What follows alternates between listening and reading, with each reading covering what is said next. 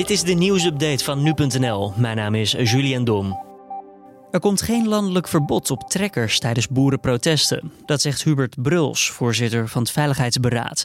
Bruls noemt het verbod een goed middel onder bepaalde omstandigheden. Maar het zou niet nodig zijn om dit landelijk in te voeren. Nu er geen verbod komt, zullen de veiligheidsregio's overleg voeren met de politie en het ministerie van Justitie over hoe de boerenprotesten zo goed mogelijk kunnen verlopen.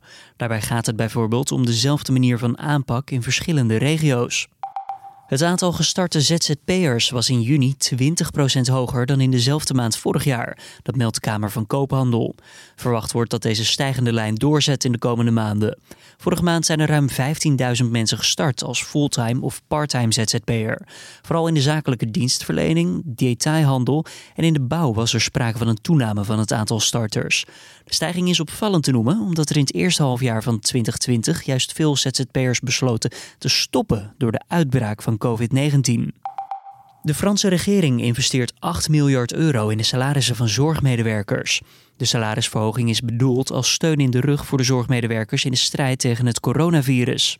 Verpleegkundigen en verzorgers krijgen er gemiddeld maandelijks 183 euro bij.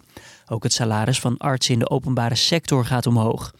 De regering en vakbonden hebben zeven weken onderhandeld over de salarisverhoging.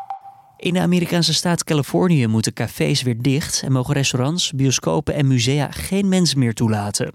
Ook moeten in veel regio's sportscholen, gebedshuizen, kappers, schoonheidssalons en winkelcentra weer sluiten.